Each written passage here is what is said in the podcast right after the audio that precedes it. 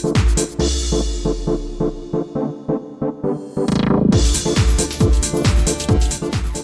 pendengar sekalian, jangan ke mana-mana. Selanjutnya Anda akan mendengarkan acara Ada Apa dengan Tony.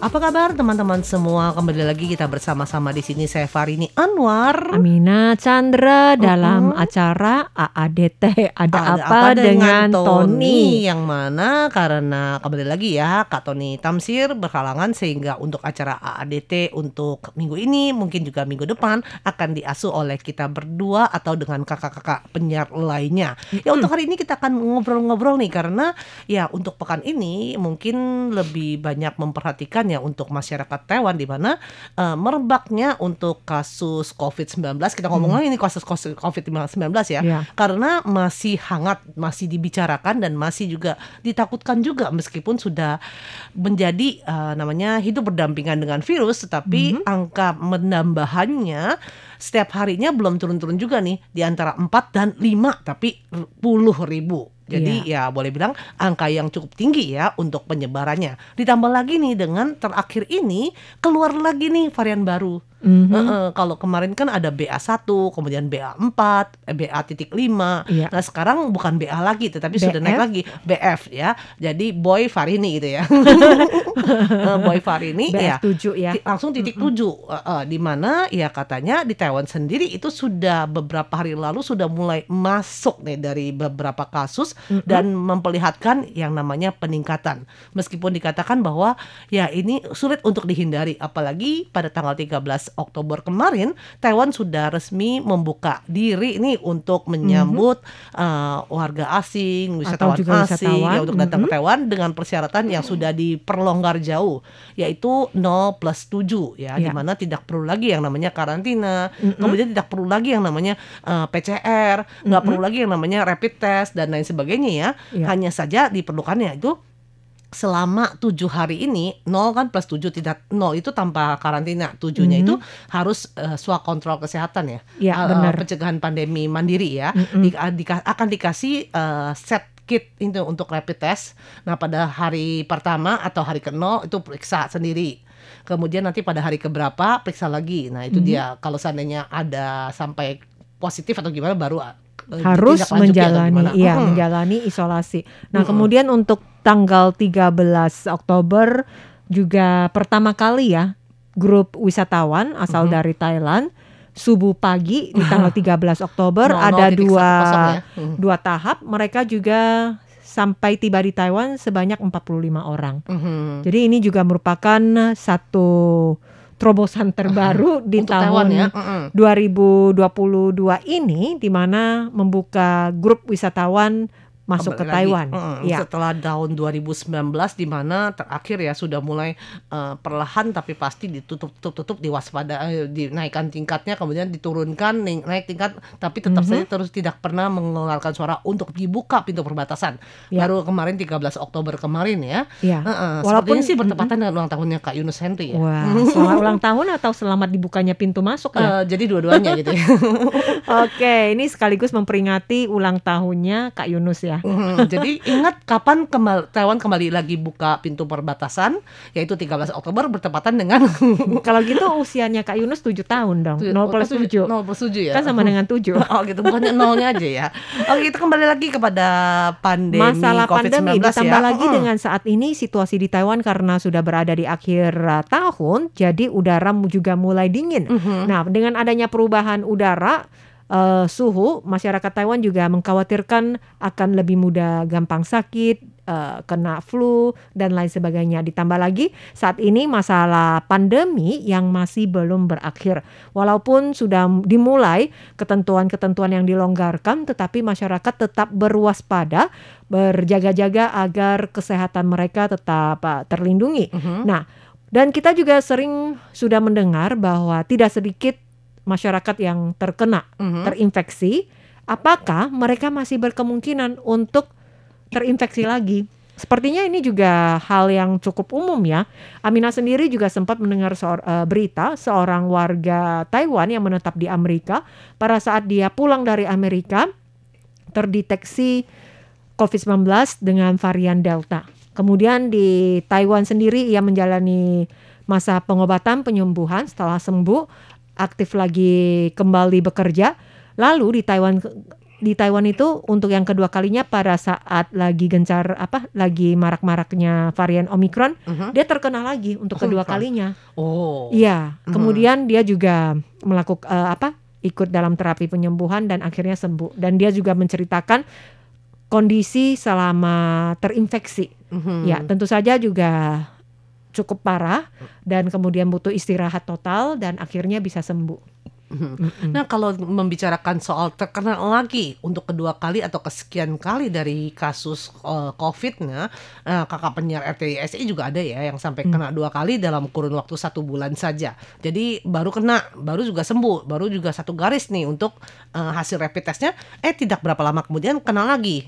Ah, dan tidak hanya penyiar dari RTISI tetapi juga ada penyiar dari bahasa lain juga seperti itu ya. Ya. Yang mana baru kena nih karena memang dia dari luar negeri pulang, kemudian pas sudah di Taiwan sudah eh, karantina dan saat itu kena, kemudian se- selang berapa minggu saja kena lagi. Dan Mhm. jadi ada kemungkinan. Jadi tetap saja jangan berpikiran, oh kalau kita sudah kena berarti kita sudah ada daya kekebalan tubuh, kita nggak bakalan kena lagi. Eh itu pemikiran yang salah ya. Ya, kemudian Hmm. untuk varian BF7 yang terbaru ini, Mm-mm. apa sih gejala-gejalanya? Amina juga sempat eh, mendapatkan informasi ya, tanda-tanda awal itu kurang lebih serupa dengan Omicron, Mhm. yang di mana juga Nah, bergejala batuk-batuk, Oh, batuk-batuk. Mhm. sakit tenggorokan, dan juga hidung Demam? tersumbat. Oh, Ya. tersumbat. Jadi Mm-mm. benar-benar itu seperti gejala flu ya. Ya. Kalau dulu sebelumnya kan sempat eh, hilang penciuman, kemudian hilang hilang perasa dan lain sebagainya. Tetapi sekarang itu kebanyakan lebih ke demam, kemudian juga gejala-gejala seperti flu, hidung tersumbat dan juga ba- batuk tenggorokan kering. Nah, untuk BF.7 yaitu sebenarnya juga ada varian Omicron ya. Jadi varian Omicron dengan nah, turunannya kali ya. turunannya. Jadi BA.1, BA.4, BA.5 dan sekarang adalah BF.7. Nah, ini dikatakan sudah menyebar nih di berbagai daerah di permukaan bumi ini, termasuk juga nih di Belgia, Jerman, Perancis, Denmark serta Inggris. Bahkan di daratan Tiongkok itu juga katanya kurang lebih seminggu dua minggu pertama ini telah diidentifikasikan di daerah Mongolia dalam, kemudian juga eh, barat lautnya dan hanya dia itu dia sudah mulai menyebar bahkan di Taiwan sendiri juga sudah kemarin ini sudah diketahui bahwa ada beberapa kasus ya untuk varian BF.7. Jadi Wah. ini harus hati-hati. Ya, bahkan juga katanya pada saat musim hujan, musim dingin, mungkin lebih memudahkan uh, manusia ya untuk uh, di mana kekebalan tubuhnya itu lebih menurun sehingga akan lebih mudah sekali terinfeksi. Kemudian dari informasi yang dikutip dari laman Times of India yang juga melaporkan media uh, daratan Tiongkok mengatakan bahwa subvarian dari varian dominan COVID-19 Omicron BF.7 ini juga meningkatkan kemampuan penghindaran kekebalan dibandingkan dengan strain induknya. Varian Omicron dan subvariannya yang terkenal dengan sifatnya adalah melepaskan diri dari vaksin dan juga sel tubuh. Dan tidak hanya di daratan Tiongkok, subvarian BF.7 juga tersebar dengan cepat di beberapa tempat di Eropa, seperti di Belgia, Jerman, Prancis, Denmark, dan Inggris. Dan sesuai data yang diliris dari Pusat Pengendalian Pencegahan Penyakit di Amerika Serikat, varian BF7 menyumbang 4,6 persen dari total kasus COVID-19 aktif di Amerika Serikat.